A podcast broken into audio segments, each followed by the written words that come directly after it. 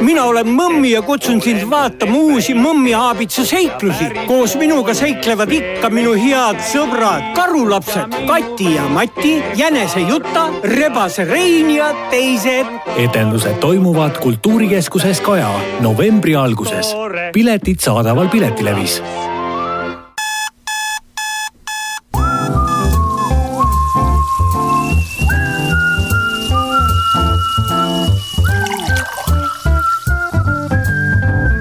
tere hommikust või hoopis tere päevast või tere õhtust, kallis kuulaja, millal iganes sul on võimalus täna meie podcasti saadet kuulata. mina olen saatejuht Tanel Jeppinen ja see on Pere ja Kodu podcast või veebiraadiosaade. ja nagu kombeks, ei ole ma tänagi stuudios üksinda, eh, vaid tänaseks podcasti külaliseks on Mari-Leen Olenko. tere, Mari-Leen! tere! ja Mari-Leen on ise esiteks kahe poisi ema. Kolmeaastane ja üheksa-aastane. ja lisaks sellele siis äh, nii palju, kui aega jääb ja energiat ja ressurssi üle jääb, on siis äh, kliiniline lastepsühholoog Tallinna Lastehaiglas. ja me siin eetriväliselt või salvestuse väliselt oleme natukene rääkinud ka, et selline üldine teemapüstitus me räägiksime siis väikelapse arengust alates sünnist kuni kuuenda eluaastani ja eks me siis vaatame, kuhu me selle üldise teema püstituse mahus, kuhu suunda me lõpuks nagu jõuame. et ei hakka väga spetsi-, spetsiifiliseks seda teemat veel ajama, et vaatame, kuhu me jõuame. sobib? väga sobib. aga tere siis veel kord, Marilyn, aitäh, et sa aega võtsid tulla minuga lobisema ja siis kuulajatele eh, infot jagama. väga tore, et kutsusite. ja alustame siis sellest, et mina ise olen kahe väikelapse isa, meil on eh, salvestuse ajal on meil siis siin, võib-olla keegi kuulab aasta aega hiljem ka, et meil on eh, varsti kahepoolene ja siis talvel saab siis viieseks eh, tütar siis ja poeg on siis eh, väiksem. ja eks see väikelapse areng on endalgi olnud selline jätku, jätkuv selline õppimine kogu aeg, et mis on üldse normaalne oodata, mis on okei okay,, mis ei ole, eriti kui lapsed saavad natukene jälle vanemaks, et siis kuidas nende käitumine muutub ja ikka siis lapsevanemal on selline äh, ma ei tea, kas kõigil, aga ma eeldan, et paljudel, et selline nagu kerge nagu ärevus, et kas kõik on hästi või kõik, kas kõik on normaalne või kas kõik läheb hästi või kas minu laps on siis ma ei tea, siis normaalse arengu, arenguga ja nii edasi. et alustakski võib-olla sellest, et üldse, mida siis nagu sellest lapsest ja lapse arengust nagu oodata, et kui need ootused ei ole võib-olla realistlikud või võib-olla on kuskilt, ma ei tea, sotsiaalmeediast või kuskilt mujalt saadud, siis see paratamatult tekitab konflikte kas iseenda sees, mingit frustratsiooni ärrituvust või ärevust, või siis lapsega suhtes tekib eh, mingeid konflikte sellest ja nii edasi, et alustame võib-olla sellest, et üldse mida oodata mm. -hmm. ma arvan, et ma väga võtan äkki selle sinu, sinu mõtte, et et need ootused ja, ja selline nagu meele, meeleline nagu ettevalmistus, et tegelikult äh, enne seda, kui, kui sünnib see päris beebi, on juba selline ettevalmistus meie peas või meeltes juba olemas ja, ja teatud nagu ootus. et ja, ja ikka ju vanematega ka rääkides nende raseduse ajast ju ka, et, et kõik see unistus ja ootus, milline mu beebi võiks olla, milline mu äh, kaaslane võiks olla, isana või siis emana, eks ole, et nii ootused nagu partnerile kui, kui nagu tema nagu vanemaks kasvamisele ja, ja vanem olemisele, eks. ja siis loomulikult nagu sellele beebile ja nagu sa enne ütlesid, et, et need ootused võivad olla meil sageli mõjutatud ka niimoodi nagu ka alateadlikult nagu sellistest väga välistest tingimustest ja võib-olla ka nagu mitte kõige õiglasematest tingimustest, ehk siis, et kui me väga juhindume sellest, et mida kuvab meile sotsiaalmeedia või, või, või et, et justkui kõik peab olema hästi kiire ja hästi ilus ja hästi roosa või hästi helesinine ja, ja siis, kui on, kui on vanemad, kellel, kellel sünnib beebi, kus kõik võib-olla ei ole kohe alguses nii hästi või võib-olla kõik äh, juhtubki ja toimubki nende jaoks natuke liiga vara või kuidagi väga traumaatiliselt või, või, äh, või sünnib beebi, kes ei, ei lähe kokku või ei kohandu selle, selle vanemate meeles oleva beebiga ja kui siis vanematel ei ole ka sellist nagu paindlikkust muuta siis oma meele sees seda, seda beebit eh, ja, ja kohandada, ütleme, seda beebit, kes nüüd nendel päriselt on. et siis tõepoolest selle pinnalt tekib eh, väga palju eh, suhtluses selliseid eripärasid ja raskusi, mida vanemad ise ka väga, väga kirjeldavad.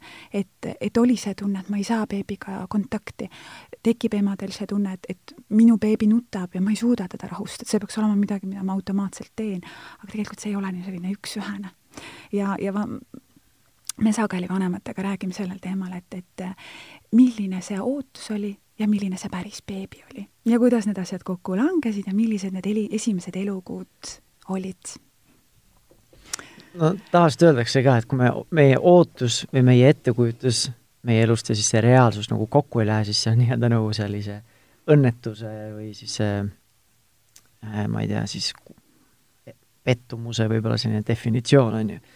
aga eriti, kui sa ootad nagu esimest last, sa tegelikult väga ei tea üldse, mida oodata, et sa, ma ei tea, mhm. mille järgi sa paned oma selle fantaasia kokku, võib-olla isegi mitte ettekujutuse, aga võib-olla panedki fantaasia kokku, et kuidas see kõik välja võiks näha mm. -hmm. et äh, on sul seal mingid äh, näpunäited ka, et kuidas siis seda, ma ei tea, kas sa ei saagi lõpuni realistlik ootus olla, aga natukene võib-olla siis realistlikum, et mitte päris selline fantaasiamaailm, et kuidas sa seda siis võiksid mm -hmm. luua endale ehm,?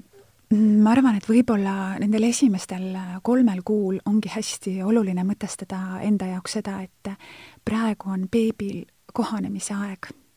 et seda, et et, et ma nüüd iga seda, seda väga vastsündinu beebi nuttu suudaksin tõlgendada. kas tal on nüüd kõht tühi, tahab ta nüüd süüa, mis tal nüüd on, see ei saa olla veel esimeste kuude ootus. see, me sageli jälle ütleme seda, et titad nutavad ja, ja nad nutavadki ja me sageli ei tea seda põhjust, see võib olla füsioloogiline, see võib olla äh, nende enda kuidagi kehast või meeleseisundist tulenev, eks ole, et, et seda nagu teadmatusega toime tulla on, on emale hästi raske. ja siin tuleb nagu see teine koht, et, et mida suurem on selline tugivõrgustik seal ümber, kui on veel inimesi, kellega, kellega seda nagu muret või sellist nagu raskust kanda, eh, seda kiiremini tullakse välja ja seda paindlikumaks eh, muutub ka nagu vanema enda meel. et kui, kui ta teab, et kui ta oskab nagu tõlgendada natukene teistmoodi seda nagu nuttu, seda ärevust või sellist noh, kui vanemad kirjeldavad, et nii nutlik beebi üldse ei maga, kõik on nii raske, kuidas saada mingisugust rütmi, et aga aga seda nagu mõeldagi, et, et see praegu natukene nagu ongi nii. et siin ei ole mitte midagi, mida, mida saaks väga teha. et, et nüüd, ja me ei saa ka oodata veel, et sellel beebil tekiks mingisugune unerütm või selline söömisrütm veel nii, nii esimestel kuudel. et pigem ongi natukene selline olukord, kus on vaja see välja kanda. ja, ja kui on jälle, nagu sa ütlesid, et kui on, on see fantaasia ja, ja, ja see päriselu on nagu, kontrast on hästi suur, siis on väga keeruline seda välja kanda, siis on väga vaja sellist tugivõrgustikku, kes vahepeal ütleb, et ongi raske, ongi natukene nutlik, jaluta korra sina õues, ma olen ise beebiga, las ta nutab, kõnnimegi ringi, et äh, siis on lihtsam. aga loomulikult on see üks äh, väga levinud põhjusi, miks, äh, miks emad, äh, miks, mis emade sellist meeleolu ja toimetulekut mõjutab ja miks nad ütlevad, et, et see esimene eluaasta oli väga raske. Ja sageli nad ütlevad nagu veel nagu pärastpoole, seda kui laps on juba natuke suurem, et, et nad hiljem on mõelnud, et jah, tegelikult oleks pidanud siis abi otsima aga eh, või et ütlevadki, et, et ma nüüd tagantjärgi mõtlen, et jah, see oli selline sünnitusjärgne depressioon või ma olin tõesti depressiivne siis.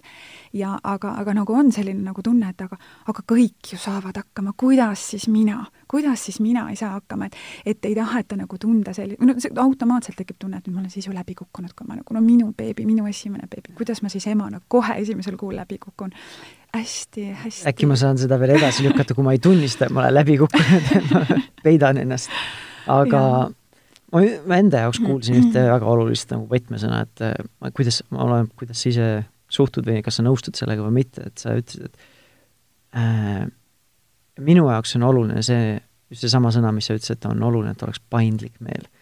et sa oleksid nagu paindlik ja seda ma olen just nagu oma ootustega ka, sest äh, kui me hiljem, ma arvan, et räägime ka erinevatest nii-öelda arengulistest, ma ei tea, kas verstapostidest või nii-öelda normidest ja nii edasi, et, et ma olen ise tundnud, et on oluline olla paindlik üldse oma ootustega üleüldse, sellest võib-olla arenguliselt, et et võib-olla minu laps ei ole nii andekas või nii äge või ei arene mingis valdkonnas nii kiiresti võib-olla kui ma ei tea, naabrilaps või keegi teine on ju, või enda sugulaste laps ja nii edasi. et siis see ei tähenda, et ma ei tea, minu laps on läbi kukkunud või ta on ebanormaalne või, või kuidas iganes tahan seda kutsuda, on ju aga samamoodi ma olen leidnud, et see paindlikkus on oluline ka igapäevases suhtes, et nii kui, nii kui ma tunnen, et mu enda ootused muutuvad jäigaks, siis peaaegu ma ei saa öelda, et alati, aga väga sagedasti need lõpevad mingi sellise konfliktiga, sest kui ma olen väga jäikis ja siis noh, väikelapsed, mul endal nelja ja kaheaastane kodus, siis jäik, jäikus tavaliselt, nad ei reageeri väga hästi sellele mm. -hmm. et ongi sul vaja kella pealt kuskile minna, siis no, seda koostööd on oluliselt keerulisem nagu saavutada mm. -hmm. Aga kui sa ise oled natukene paindlikum, natukene vabam, siis on äh, nii endal kui ka lapsel tegelikult lihtsam mm. -hmm. nii situatsiooniliselt ma olen leidnud ka just vaadata seda arengulist äh, poolt, et siis see paindlikkus on minu jaoks oluline mm. -hmm. ja nüüd, kui, kui mõelda, et, et, et kui tegelikult on vanem kurvameelne või et, või ta on selline äh, väsinud ja depressiivne, siis seda paindlikkust ju ei ole. ja siis seda rigiidsemaks inimesed noh, noh, muutuvad, kui, kui nendel endal on raske ja meel on nii muu asjaga hõivatud. ja, ja, ja paraku on niimoodi, et et vastsündinud beebi ei, on oma psüühikas emaga seotud. ehk siis kõik see, mida tunnetab, kogeb mm, emameel, see on ka beebini jõudev, eks. ja, ja sageli öeldakse selle kohta, et eh, beebi esimene eh, peegel on ju tema ema ehk siis, et kui tema hakkab iseennast äh, mõtestama või et hakkab iseennast kogema, mõtestama on võib-olla vale sõna, et just, et iseennast kogema siin maailmas, siis esimene viis, kuidas ta teeb, on ju vaadates emale otsa ja kui, ja kui selle ema või isa äh, pilk on väga murelik, väsinud, äh, jõuetu või selles pilgus ei ole sellist järjepidevust, ehk siis ema hommikuti jõuab, aga õhtul ta ei jõua üldse. või et nüüd kaks päeva on väga head aga ülejäänud ei ole üldse, siis see paraku on see, mis äh, on lapse psüühika alus. see, et kuidas, millist tagasisidet ta äh, oma ema psüühikalt ja oma emalt saab, eks ole. et see, et, et, et emad-isad oleksid äh, hoitud ja terved, mm, on väikelapse psüühika alus võib-olla kõige hirmutavam on see, kui sa vaatad oma emale otsa väikse beebina ja sa ei saa seda kontakti no mm. -hmm. See ongi, oledki nii-öelda täiesti tühjaks tõmmatud energiast ja lihtsalt sa ei suuda lapsele seda kontakti pakkuda mm. -hmm. jah, et, et nagu teed mehaanilised asjad ära, on ju, et ta on nagu kuiv mähku on ja söödetud on ka ja aga sul ei ole sellist nagu kontakti, sellist vastastikust, sellist rõõmu ei ole, eks ole. ja see ei tule mitte üle selle, et, et, et nüüd oleks kuidagi nagu ema ei, ei tahaks, vaid ta tõepoolest ei suuda.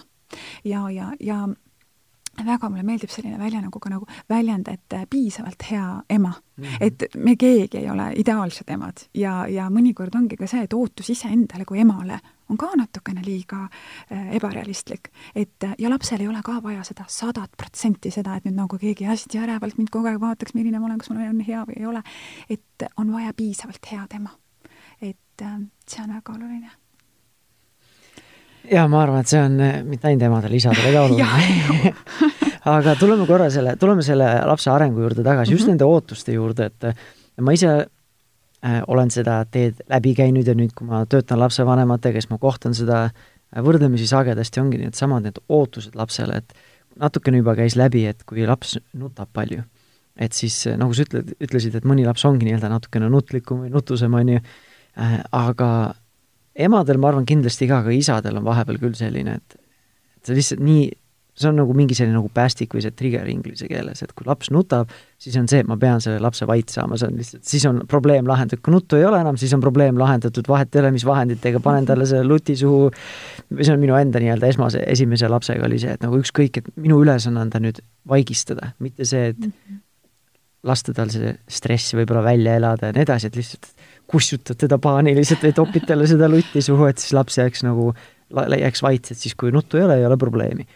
või siis, kui lapsed saavad jälle vanemaks, nagu ma ei tea, kutsutakse siin need, need kohutavad kahesed ja nii edasi, on ju, et kui tuleb see kahe-kolme aasta periood, eh, pluss-miinus mingid kuud või aastad, on ju, et eh, kui see laps hakkab jonnima ja streikima ja ei nõustu enam sinuga ja ei kuula võib-olla nii palju enam sõna, tal tekib täiesti selline eneseteadlikkus ja iseseisvus juba ja nii edasi mm, -hmm. et siis on see, et see jonnimine juba, see ajab lapsevanemal harja punaseks, et ta ei, ei peaks või ei tohiks, et laps peab ju kuuletuma ja alluma. et minu jaoks on need jälle sellised ka mingil määral nagu arengulised etapid, mis on, mina ütleks isegi eakohased, on ju. saad sa natukene seda nuttu ja siis natuke hiljem seda jonni siis kommenteerida oma mm -hmm. Seisukoha pealt kliinilise psühholoogiline, psühholoogina siis? jaa, ma arvan, et ma olen hästi nõus sellega. ja et, et nagu rohkem läheb tähelepanu sellele äh, tulemile, ehk siis nagu sa ütlesid, et nüüd nagu harjub ja kisa ja jonn ja frustratsioon ja vähem läheb nagu äh, tähelepanu sellele, et mis selle tekitanud on mm.. et, et ehk mis siis selle korra segan vaheks, siis see, et me keskendume sellele, mida me näeme silmaga või kuuleme, versus selle, et mis tegelikult selle ja, põhjus on. ja mis meid sageli nagu täiskasvanutena segab, eks ole, liiga suur nutt või selline jonn või see tunne, et no nüüd ju niimoodi ju peab olema, et ta peab sõna kuulama ja, ja aga sageli me ikkagi alustame sellest, et, et see nutt või see jonn on ju äh, mingisugust laadi väljendus või mingisugune sõnum, eks ole ja, ja, ja me proovime ikkagi nagu aru saada, et, et mida, miks laps seda kasutab või mil, milleks tal sellist nagu väljundit vaja on. et äh, ma võib-olla nagu, äkki ma alustan natukene sellest, et kui on need äh, selline aastaringis, eks ole, need, need nagu sellised nutlikud äh, lapsed ja nutlikud sellised nagu beebid, et äh, ma arvan, et hästi oluline on, on endas kanda kogu aeg seda mõtet, et väike laps reguleerib ennast läbi vanema. ta ei suuda reguleerida iseennast. see tähendab seda, et kui tema on kurb, tal on paha olla, tuleb see siis äh, mingisugusest kogemusest, sisemisest või välimisest äh, mingi paha tunne, siis ta ei suuda selle tundega ise toime tulla. ja need põhjused on hästi sellised nagu kasvamisega seotud, tema aju lihtsalt ei võimalda tal seda veel teha. ja mida väiksem ta on, seda rohkem on see seotud äh, ema-isa meele ja psüühikaga. see, seetõttu, et noh, et, et me väga pikalt veel räägime vanematele viie-kuueaastastele samamoodi veel, et laps reguleerib ennast läbi vanema me, ma sageli toon äh, selliseid natuke ekstreemsemaid nagu näiteid, ka sageli vanemad niimoodi noogutavad, jaa, me oleme samas olukorras olnud, et kui on selline kolme-nelja-aastane, kes äh, poes pikali viskab, äkki sa noogutad, et olen olnud selles olukorras, et viskab pikali ennast ja kisendab ja karjub, sest ta ei saa, mida ta tahab praegu, et kui nüüd, kui nüüd vanem võtab ta sülle sellise nagu tundega, et issand jumal, kõik vaatavad nagu ja mul on nii häbi praegu ja, ja ta on nii ärevil ja proovib lihtsalt, et palun ole nüüd tasa, me ütlesime, me ei osta neid asju. Ja siis, kui rääkida emaga, et kujutage nüüd ette, et te võtate oma lapse sülle, ta, teil süda lööb, te olete ise nii pabinas, te olete nii, ise nii ärevil e,. kus on see võimalus, läbi mille laps suudab rahuneda? et ainuke viis, kuidas sellesse sekkuda, on praegu see, et, et rahulik vanem rahus, suudab last rahustada ehk siis, kui sellises olukorras mitte midagi rohkemat ei ole teha, te näete, et, et seal ei aita praegu väga palju miski muu. Ja rääkimine väga sageli ei aita. Et eh, siis on vaja iseennast mõtte abil rahustada. ehk siis äh, kordate iseendale peas, kõik on hästi, lapsel on praegu raske, oligi pikk lasteaiapäev, ülestimuleeritud äh, kaubanduskeskus, tal on raske praegu, ta ei suuda toime tulla, ma võtan ta sülle, kõik on hästi ja saate poest välja minna. Et, et nagu väga meelde tuletada seda, et, et selline nagu nutt või protest on millegi nagu tulem et äh, ja nagu sa ütlesid, et, et nagu eesmärk ei pea olema nagu alati nagu, nagu vaigistada või see ruttu ära lahendada, et pigem nagu lugeda seda, seda sõnumit. et lihtsalt, et nagu sa ütlesid ka, et, et erinevas vanuses on see, on see sõnum nagu teistsugune mm. -hmm. ma ise lisa-, võib-olla rõhutaksin või lisaksin selle ka, et ma arvan, et oluline on iseennast võib-olla samal ajal või kõigepealt reguleerida, et või rahustada, on ju, et enne kui sa rahu, last rahustad, siis proovi iseennast mhm. rahustada mm, -hmm. et seda, et seda enam, et kui sa oled selles keskkonnas ja siis hakkad hullult pabistama ja tõmbad ennast käima, et oh, mis nüüd äkki keegi näeb või mis teised küll arvavad ja kas ma nüüd olen halb ema või kas ma nüüd olen halb isa, et siis kõigepealt rahustada see enda meel ära mm, -hmm. sest nagu sa ütlesid, et kui sa ise oled eh, närviline, siis väga raske on lapsel äh, saada nagu seda signaali, et kõik on okei okay,, kõik on korras, noh. võib-olla juba mhm. evolutsiooniliselt, et siis saab selle signaali, et nüüd on ärev, nüüd peab olema, ma ei tea, ise ka ärev ja valmis, mille, mis, milleks iganes, on ju. Mhm. Äh, ma võib-olla veel korra nagu räägin, et, et kui on see selline nagu päris pisikese beebi nutt, mille, mille nagu sõnumit me väga sageli ei tea et siis, äh, siis seal on küll, äh, esimesel eluaastal on vaja äh, lapsel tajuda seda, et kui mina annan selle signaali, siis sellele signaalile vastatakse. ehk siis sellised nagu sekkumised, mida me mõnikord oleme kuulnud, et noh, et las ta nutabki, et las ta nutabki siis nagu, olgu selleks eesmärgiks siis näiteks magama jäämine, on ju, et, et et siis nutab nii kaua, siis ma mingite minutitega käin vaatamas seda, et äkki ta jääb siis magama, või et, et nutt nutvat last ei pea kohe sülle võtma, äkki tekivadki valed seosed. hellitame ta ära veel. tekib selline hirm, et see on kõik hästi vale. et selles mõttes ehm, lapsel on vaja esimesel eluaastal seda tunnet, et mind loetakse ja minu vajadused on rahuldatud. see tekitab nagu teil, tal sellise nagu baasilise turvalisuse, et kui mul on nagu kui lapsel tekib see tunne, et ahah, et, et see maailm on turvaline, minul on emme-issiga turvaline, siis tal on julgem sealt separeeruda hiljem. Et siis on, äh, siis julgeb laps hakata äh, minna laskma, kui tal on nagu see tunne, et, et mul on olnud hea ja turvaline. ja loomulikult ei ole see selline nagu nüüd hästi pikalt vältav, on ju, kahjuks ei ole seal ka nagu sellist kindlat nagu, et nüüd, kui on pooleteiseaastane sünnipäev või kui nüüd on ühe aasta, nüüd hakkame hoopis teistmoodi tegema, et see pigem on nagu selline, selline arenguline ja sageli on nagu selline tunnetatav, et millal äh, on laps natukene juba ka nagu äh, valmis sellist nagu frustratsiooni taluma, jah, et, et noh, et ta tahab seda kosja kohe saada, aga natuke peab ootama. või et see on kindlasti see, mida ei tohi noh äh,, käputab ringi ja, ja elektripistikute juurde läheb, eks. ja, ja ongi, et ei tohi ja saabki see ema või isa seal rahuliku meelega nagu öelda, et ei tohi. ja siis, äh, ja siis natuke nagu last hõivata millegi muuga, ehk siis tähelepanu äh, kuhugi mujale viia. see on jälle võte, mis nagu sellesse vanusesse sobib väga hästi, aga näiteks kolmeaastase puhul, nelja-aastase puhul me seda enam kasutada ei saa. sest et tema on, tema aju ja tema on valmis taluma seda frustratsiooni juba ka nagu lõpuni. ehk siis ma ei saagi, tahan, tahan, tahan väga, aga ma ei saa ja ei saagi sellepärast, et see on ohtlik ja ma ei tohi, eks, et ähm, kuidas siis äh, suhtuda sellesse väikelapse sellesse, mitte, ma ütlekski enam nagu nuttu, aga just sellesse sama jonni, millest ma ennem rääkisin, et kui ta ei saa, mida ta tahab mm. -hmm. või kas sa kehtestasid talle mingi piiri, millega ta kindlasti nõus ei ole mm. -hmm. või siis mõnikord ongi täiesti nagu täiesti jaburad asjad, et ma ei tea mm, -hmm. keetsid talle sarvekesi, aga tema tahtis spiraale, on ju. Mhm. et äh, kuidas sellesse suhtuda, sest lapsevanemana äh, vahepeal see võib ikka hullult kettasse et eriti kui, eriti kui sa ise oled ka väsinud, eriti sul on endal pikk tööpäev ja siis tuleb nagu täiesti mõttetust, siis tuleb nagu sihukene vulkaan lendab õhku, nagu ise ka ei saa aru, kust see tuli nagu mm. -hmm. et äh, ja siis vahepeal ongi, isegi kui sa ei mõtle, et mu laps on ebanormaalne, aga see enda nagu see frustratsioon, siis mõtled, no ole nüüd normaalne nüüd, mis sul viga on nagu. jah, ma arvan, et mõnel sellisel nagu ekstreemsemal juhul ma Äh, olen toonud sellise näite, et äh, meil on ka neid lapsi, kes ei, ei väljenda oma äh, soovi, oma tahtmist nutuga. tal ei ole tekkinud sellist tunnet, et mina olen ise ja mina olen ise oma soovidega. ja see on oluliselt kurvem pilt ehk siis, et on laps, kes on äh, oma psüühilises mõttes nii laialivalguv, et äh, ta on välistest äh, stiimulitest ja muutustest nagu noh, kõikega nagu päri.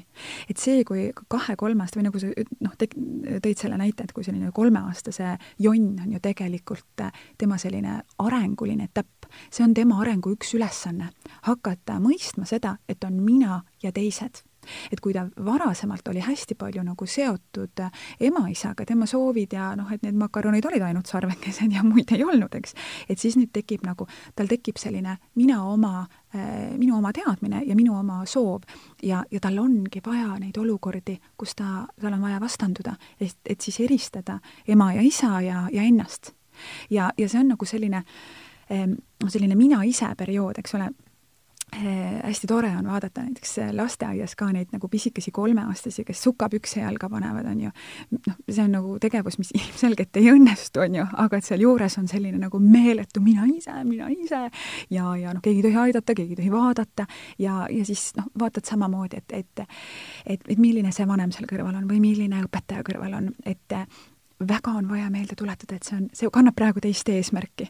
see ei ole nagu väsinud ema-isa kiusamiseks või et, et siin ei ole kõige sobivam, täna ei ole lemmikõpetaja ja ma meelega teen seda praegu siin. et see on hästi see hetk, kus jälle avaldub välja see, et tal on see mina ise tunne nii suur, et äh, minu enda lapsel samamoodi, siis ma kükitan ta juurde, ütlen jaa, sina ise, sina ise ja proovin teda salaja natuke aidata, nagu aidates kaasa sellele tundele, et sina täitsa ise, sa oled väga suur poiss, täitsa ise. et, et nagu ikkagi jälle mõelda kogu aeg, et, et nagu mis selle sellise nagu nutu või selle hetke nagu, nagu eesmärk praegu on.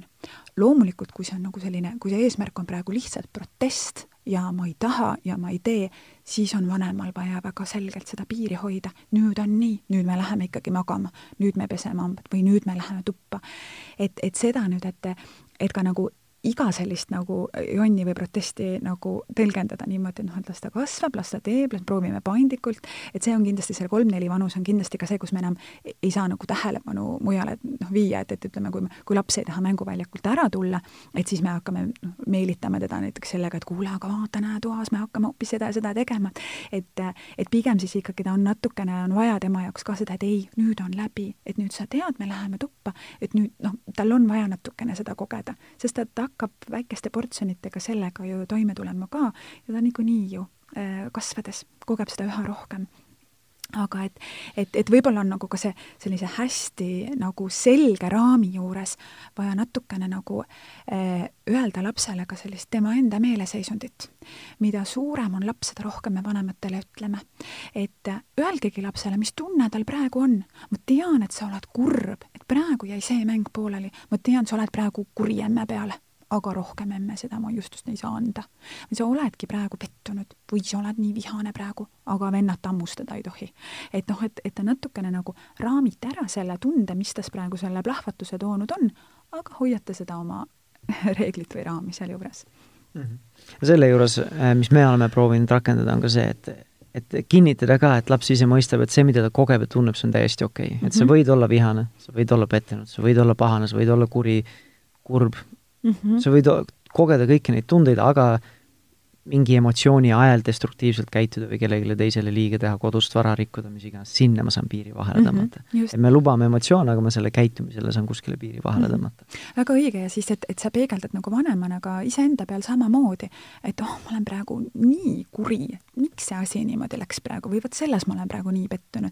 et noh, et nagu päriselt ka olla siiras oma lastega kontaktis.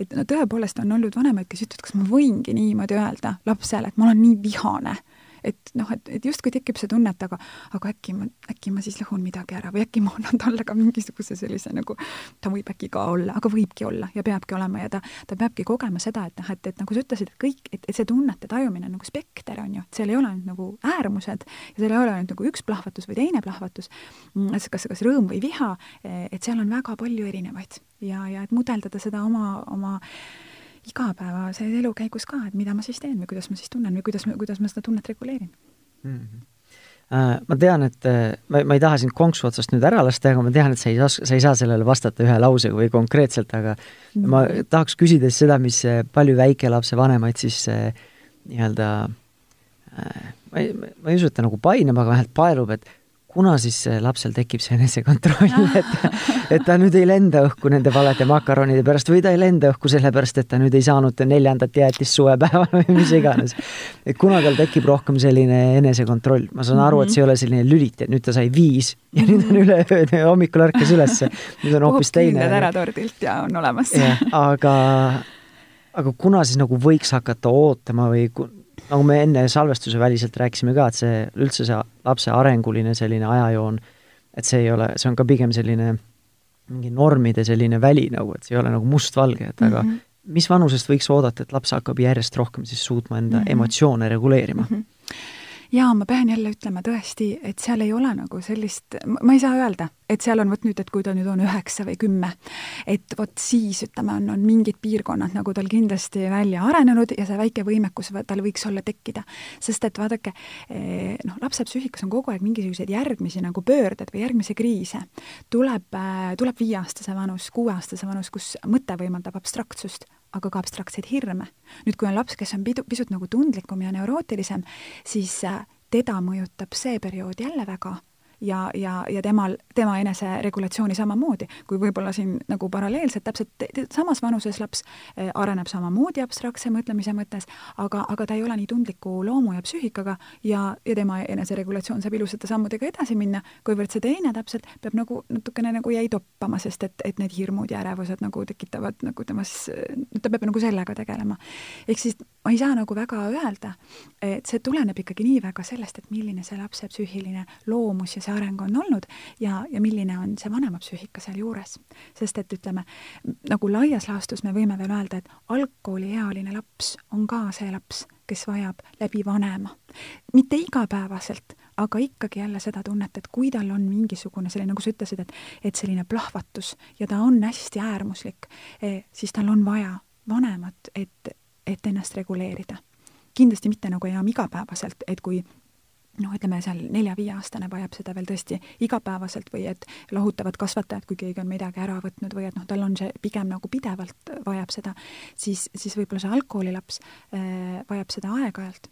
Tundlikum võib-olla nagu üle õhtuti või iga õhtu, aga, aga või näiteks ütleme, see sama, sama koolimineku periood, selline seitsmeaastase vanus, samamoodi on jälle selline väga sagedaste hirmude vanus, kus lapsed hakkavad kartma seda, et äkki emme-issiga võib midagi juhtuda ehm, mis maailmas toimub, info jõuab väga palju nendeni, nad hakkavad väga paljusid asju kartma. ja, ja nende mm, abstraktne mõtlemine on juba ka nii äh, kaugele läinud, et, et nendel ei piisa ainult seda, et, et ema-isa ütleb, et oh, ei juhtu midagi. et kui nelja-viieaastasele veel saab öelda, et ei, ei, me sõidame reisile, see lennuk ei kuku alla, et siis eh, noh, seitsme-kaheksa-aastane nagu ta meel on avaram, ta teab, ta hirmud on abstraktsemad ja kaugemad. Ja, ja kui ta on jälle tundlikum laps, siis ta elab neid asju vahetumalt läbi, rohkem asju mõjutavad teda. Ja, ja ja see, see loomulikult mõjutab tema eneseregulatsioonioskust ka mm. -hmm. no üks asi on selline nagu geneetiline mingi sisse kirjutatud kood, kuna me areneme, kuna mingid erinevad ajuosad arenevad, mingid funktsioonid arenevad välja ja nii edasi. aga kuidas sa hindad, kui, milline osa on siis sellel nii-öelda geneetilisel nii-öelda sellel arengul ja siis see, kui palju tegelikult meil vanematena on siis see mõju sellele lapse arengule, ka ütleme, seesama näide, mida me siin mitu korda oleme rääkinud, seesama see eneseregulatsiooni osa näiteks, et kui suur osa on see, mis on, tulenebki lihtsalt aju arengust, et ma ei saa oodata me ütleme, kahe-kolmeaastaselt lapselt, et ta suudaks enda emotsioone reguleerida, eriti neid suuri tugevaid emotsioone, ja, ja kui palju on siis vanem osa, et ta saab nii-öelda õpetada lapsele näiteks neid oskusi mm -hmm. või lihtsalt selle kas või peegeldusega või see, et kuidas ta iseennast eh, reguleerib selles olukorras ja kuidas ta last toetab selles mm -hmm. olukorras? noh, ma arvan, et see on selline nagu äh, pidev selline koht, mida uuritakse, ole, geenid versus keskkond, on ju, et kuidas, kui palju nagu äh, selline meie eelsoodumus mõjutab äh, ja, ja kui palju äh, käitumine mõjutab. aga vot laste puhul on ka see, et, et me, me ei tea ju seda eelsoodumust ja väga palju on isegi, ütleme, on väga mitmeid selliseid psüühikahäireid või raskusi, mis, millel me teame, et on väga kõrge selline päritavus, eks ole. aga, aga ikkagi ei ole seal sellist, et üks-ühele selliseid väljundeid, eks. ja, ja, ja pigem on nagu see mõte, et, et kui ma keskkonnas saan võimalikult palju toetada ja soodustada, siis igal juhul, et kui see geneetiline potentsiaal ongi pisut vähesem, siis on vaja seda niikuinii teha, aga kui ta on nagu toekam ja parem, siis ma teen seda lihtsalt ka kindluse mõttes, eks. et seal on nagu äh, raske anda sellist nagu vastust, et, et mis osa nüüd on. muidugi on hästi oluline, nagu sa ütlesid enne, et ka, et kui palju see nagu, see aju arengu mõttes, et, et äh, me peame lapsele, lapsesse ikkagi suhtuma nagu tema vanust ja tema arengutaset nagu arvestades. et kõige sagedam minu meelest näide on see, kus on väga osava Eh, sõnavaraga lapsed, kes on sellised nelja-aastased, kes suudavad väljendada ennast juba väga-väga soravalt ja keda sageli nagu mõtestatakse tänu sellele, et nad on nii nutikad ja kõne on nii hea, oluliselt suuremate lastena. Ja, ja no siis on sellised nagu klassikalised äh, laused, mida siis sellise protesti või jonni ajal tehakse, et no miks sa jonnid? Mida sa teed, miks sa niimoodi teed? et me mõnikord ikka vanematena ütlesime, räägime seda, et see on küsimus nagu teile endale et miks sa teed seda või miks sa jonnid. kui laps suudaks vastata teile, et, tead ema, ma jonnin sellepärast, et mu sees on frustratsioon või ma olen selles pettunud, siis ta ei avaldaks seda jonniga, eks ole. mul oli liiga palju kisa oli lasteaias ja keegi astus mulle näpu peale mänguväljakul. jah, ja see tuli mul praegu meelde ja et noh, et, et, et kui laps suudaks sellele miks küsimusele vastata, et siis tal ei oleks seda käitumist. aga et, et noh, see on hästi õige mõte, et, et me peame kogu aeg nagu oma meeles kandma seda, et et need, äh, need, need valdkonnad, kus laps areneb, need on väga erinevad. ja, ja isegi, kui ta on võib-olla näiteks väga kognitiivselt väga võimekas laps, ehk siis ta õpib juba, tunneb tähti vastu huvi, õpib kiiresti ära värvid, kujundid, numbrid, eks, siis see veel omakorda ei tähenda seda, et ta emotsionaalse regulatsiooni arengus sama kiire on. aga see nagu vanematena võib meil tekitada selle, et, et oh, ta on meil nagu, kõik ütlevad, et ta on juba meil kooli valmis varsti mm -hmm. ja ma suhtun ka nagu temasse või ootused on ka nagu temasse sellised, et näed, ma nüüd korrasin teise kuldmuna sinu jutust täna üles, et et ongi see, et kui tahad ise etteheitvalt lapsele, et oh, miks sa seda teed või miks sa küll jonnid, et siis tegelikult küsida seda iseenda käest, et miks mu laps praegu seda või seda praegu teeb, et mis võiksid need põhjused seal taga olla, noh. jah, ja sageli, kui, kui siis nagu sellesse sekkuda, siis mingid asjad nagu lahenevad ka. juba enda, enda meelsus on hoopis teine, selle asemel, et nagu ette heita, siis sa proovid ise mõista, mis mu lapse elus toimub mm. Mhm. -hmm. mis tänase päeva jooksul toimus, et ta on selline, nagu ta praegu on. Mhm. Äh, vaata, meil hakkab varsti juba aeg otsa saama, et me ei olegi jõudnud sellest rääkida, mida sa igapäevaselt siis töö, töös, tööl teed, aga ma natukene tahaksin selle juurde siiski tulla, et et kui sa töötad nüüd kliinilise psühholoogina laste, Tallinna Lastehaiglas, et et millised on siis äh, kliinilise psühholoogi mingid sellised nagu arengulised etapid? Äh, enamasti te vist keskendute noorematele lastele ühe, sünnist kuni kuue aastani või? mm. -hmm. meil on nüüd laste, Tallinna Lastehaigla juures on laste vaimse tervise keskus mm -hmm. ja meil on seal mitu osakonda ja lastepsühhiaatri osakond on tõesti selline nagu äh, väga pisikesed, no ütleme nullist nüüd meil väga ei ole neid, kuigi kui vajadus on, siis ikka. aga, aga ütleme, meil on selline nagu kuni alg, algkoolini lapsed on, on meil ja, ja võib-olla ähm, jah, et, et see, see vanus on hästi lai ja mured on ka väga erinevad, millega pöördutakse mm. -hmm millised on sellised, enne kui me murede juurde tuleme, et sellised sinu jaoks või ma ei tea, professionaalse poole pealt sellised olulised verstapostid, mida, mida te ise nagu jälgite või vaatate erinevast, erinevates vanustes, kas saab üldse midagi sellist välja tuua või mm? -hmm. Ehm, ma arvan, et üks olulisemaid on, on seal esimese eluaasta jooksul tekkinud pilkkontakt. Et see on sageli, mida me, mida me vanemate käest küsime. et kui te beebi võtsite sülle, äh, kas ta vaatas otsa, milline tema selline ilmekus, milline ta selline mitteverbaalne kontakt oli, kas temaga tekkis sellist vastastikku, äh, vastastikust või ei. et see on kindlasti selline üks esimese äh, eluaasta küsimusi, mis, mis hästi oluline seal on. esimesel eluaastal on väga palju olulisi arengu selliseid ülesandeid, alates tõesti sellest, et sõnad, kuni selleni, et, et lapse selline kiindumussuhe kujuneb just selles vanuses. Et äh, aga, aga ikka on. Ja, ja kindlasti me küsime seda, et mismoodi on äh, lapse separatsioon, et kuidas on selline nagu emast eraldumine toimunud, kuidas on laps äh, lasteaiaga kohanenud. Ehm, see on siis juba hiljem, kahe-kolmeaastastega? jah, jah, et, et milline on, kindlasti küsime sellise kahe-kolme aasta vanuses seda, et, et kas lapsel on selline huvi mm, teiste laste vastu, väga oluline on meie jaoks mäng et mismoodi laps mängib. et see on, seda me küsime igas vanuses, sest et see on see, mida laps peab eh, tegema eh, oma tavapärases arengus ja see on see, mis meile hästi-hästi palju ütleb. et, et milline on lapse mäng ja mismoodi vanemad lapsega mängivad, eh, see on üks selline nagu klassikalisi asju, mida me alati küsime ja mida me osakonnas olles alati, meil on väga hea personal, ka valvepersonal, need, kes, kes väga hästi oskab nii mängida kui ka selles mängus erinevaid nüansse näha ja, ja sekkuda ja suunata, et, et see on nagu väga oluline mm. -hmm. siin ma tahaks, juba selle mängu ma tahaks natukene küsida, et mul on endal enda kindel seisukoht oma uskumuste järgi ja mis ma ise olen õppinud ja lugenud, aga mina ei ole kliiniline psühholoog, et siis ma küsin igaks juhuks sinu käest ka üle, et et selle mänguga just, mida ma ise sagedasti mänguväljakutel näen, liivakastis, igal pool, on see, et, et vanemad nõuavad väikelapselt, ütleme, kahe-kolmeaastaselt jagamist, aga nii palju, kui mina olen, vaatan, kuidas mina enda lastega mis ma olen märganud, et ega kahe-kolmeaastane nagu ta ei jaga seda jagamise kontseptsiooni, ta ei saa sellest aru, ta ei mõista, ta ei oskagi võib-olla jagada. et kuidas sina sellesse suhtud sina seda adresseerid? jaa see on üldse ka üks väga tore, ütleme see hoiuga, esimesed kogemused seal hoius ja kõik see ootus, et et kui vanemad tulevad eh, lastele järele ja küsivad, et noh, kellega ta mängis siis, et, et mulle hästi meeldib üks, üks lause, et, et kui laps läheb, kui kahe või pooleteiseaastane, kaheaastane laps läheb sellisesse sotsiaalsesse keskkonda, siis ta ei ole seal sotsiaalne indiviid, vaid ta on nagu indiviid sotsiaalsuses. ehk siis, et ta on ikka veel oma meele ja psüühikaga nagu hästi ise, kõik tema vajadused ja soovid ja tahtmised on ainult tema endast tulenev ja see, et see sotsiaalsus on tema ümber nagu sinna nagu pandud, on lihtsalt nagu, et ta peab nüüd nagu rohkem pingutama, et ellu jääda, eks.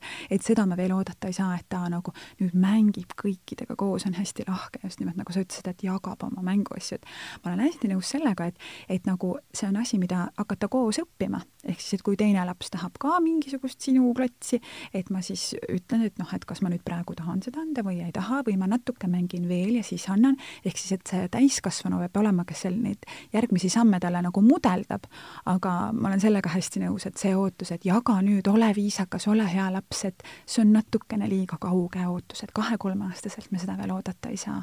Mm -hmm. see samas vanus, mis ma olen märganud ka, et ega nad, nagu sa ütlesid, et ta on nagu indiviid sotsiaalses keskkonnas, et äh, sellises vanuses nad ilmselt ei mängi ka veel koos, nad pigem mängivad kõrvuti või nii-öelda paralleelselt, on ju. ja, ja, ja sageli on ka see, et, et, et nagu see kaks on nagu okei okay kõrvuti mängima, et natukene läheb vanus edasi ja ka siis on ikka veel, et nad juba võivad koos mängida, aga nii kui tuleb see kolmas, siis tekivad tülid, sest et siis on nagu võimalikud mingid leerid tekkima, on ju, ja keegi jääb välja ja keegi pahandab. et, et see on ka jälle hästi arenguline, et mitte, et ta ei ole nüüd, ta ei ole nüüd laps, kes ei ole sõbralik, vaid ta tõesti oma arengu mõttes ka ei, ei suuda veel see kolme- või nelja-aastane ka nagu sellise pundiga nagu koos mängu luua, et ta pigem nagu tulevad mängud hästi välja, kui on üks ja üks, aga et kui kolm on, siis on juba keeruline tulema ma arvan, et mm. omaette veel on, eks ole, igasugused mängud, mis on ekraanide taga, et sellest, äh, see on täiesti eraldi saade, millest me saaksime teha mingil teisel hetkel.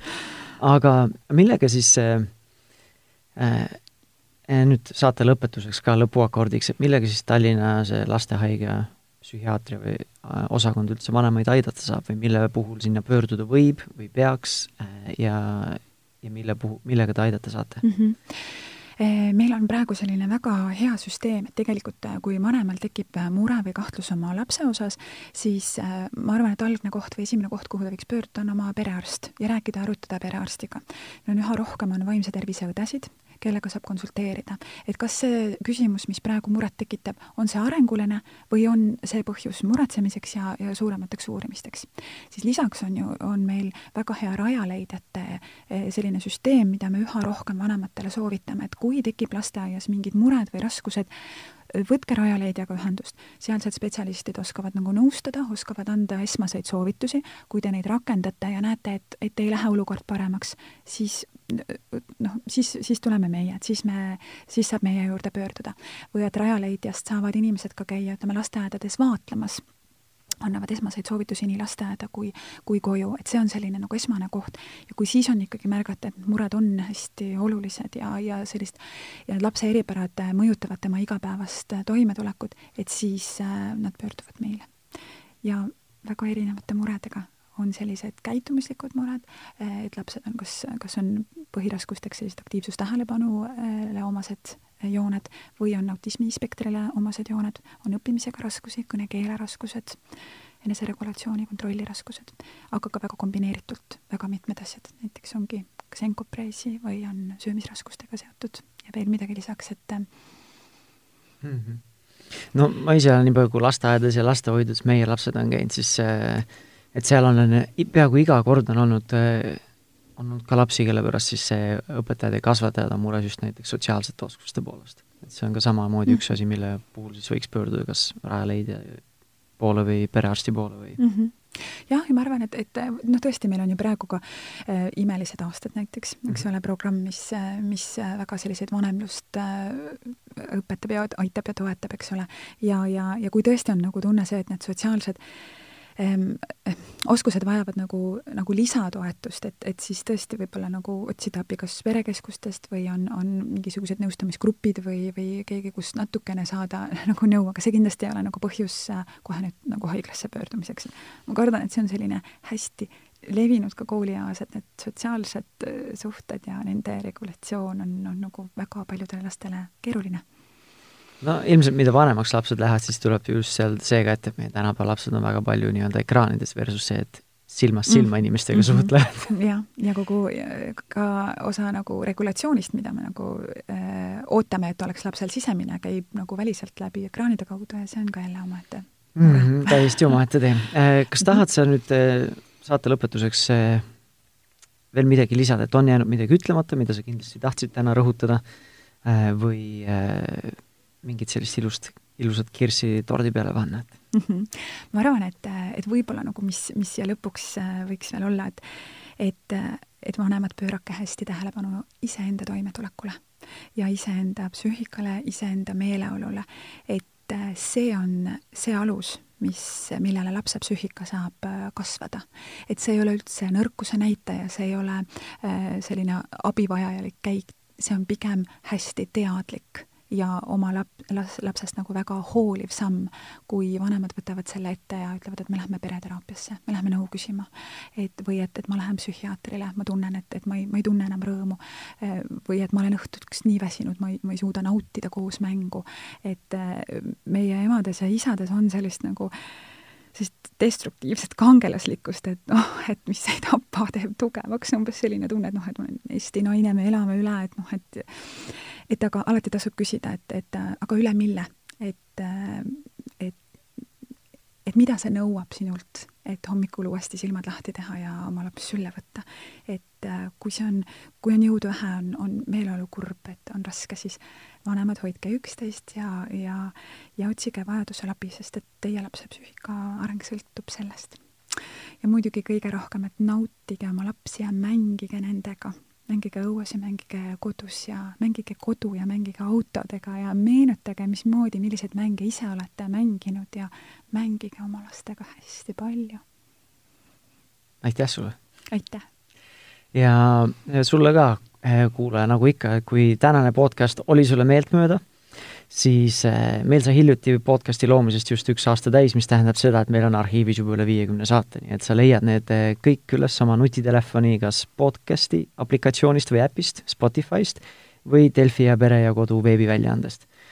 ja samas, nagu ikka, mul on sulle ka üks isiklik nii-öelda üleskutse või siis pakkumine, et muuhulgas ma ise juhin ka Facebooki gruppi Positiivne ja rahumeelne vanemlus, ning äh, äh, tasulises versioonis töötan ka ligi kahesaja seitsmekümne Eesti perega. ning nüüd oktoobri lõpus on meil äh, tulemas äh, neljaosaline tasuta, tasuta rahumeelse vanemluse veebikursus ja kui sa soovid selle kohta rohkem informatsiooni, siis selle leiad äh, veebilehelt taneljappinen.com, kaldkriips pere ja kodu, kõik kokku. Nii et tule vaata järgi, eelmine aasta osales selles äh, veebikursusel äh, üle tuhande viiesaja Eesti pere. Aga selleks korraks tänaseks kõik, aitäh kuulamast ja järgmise korrani!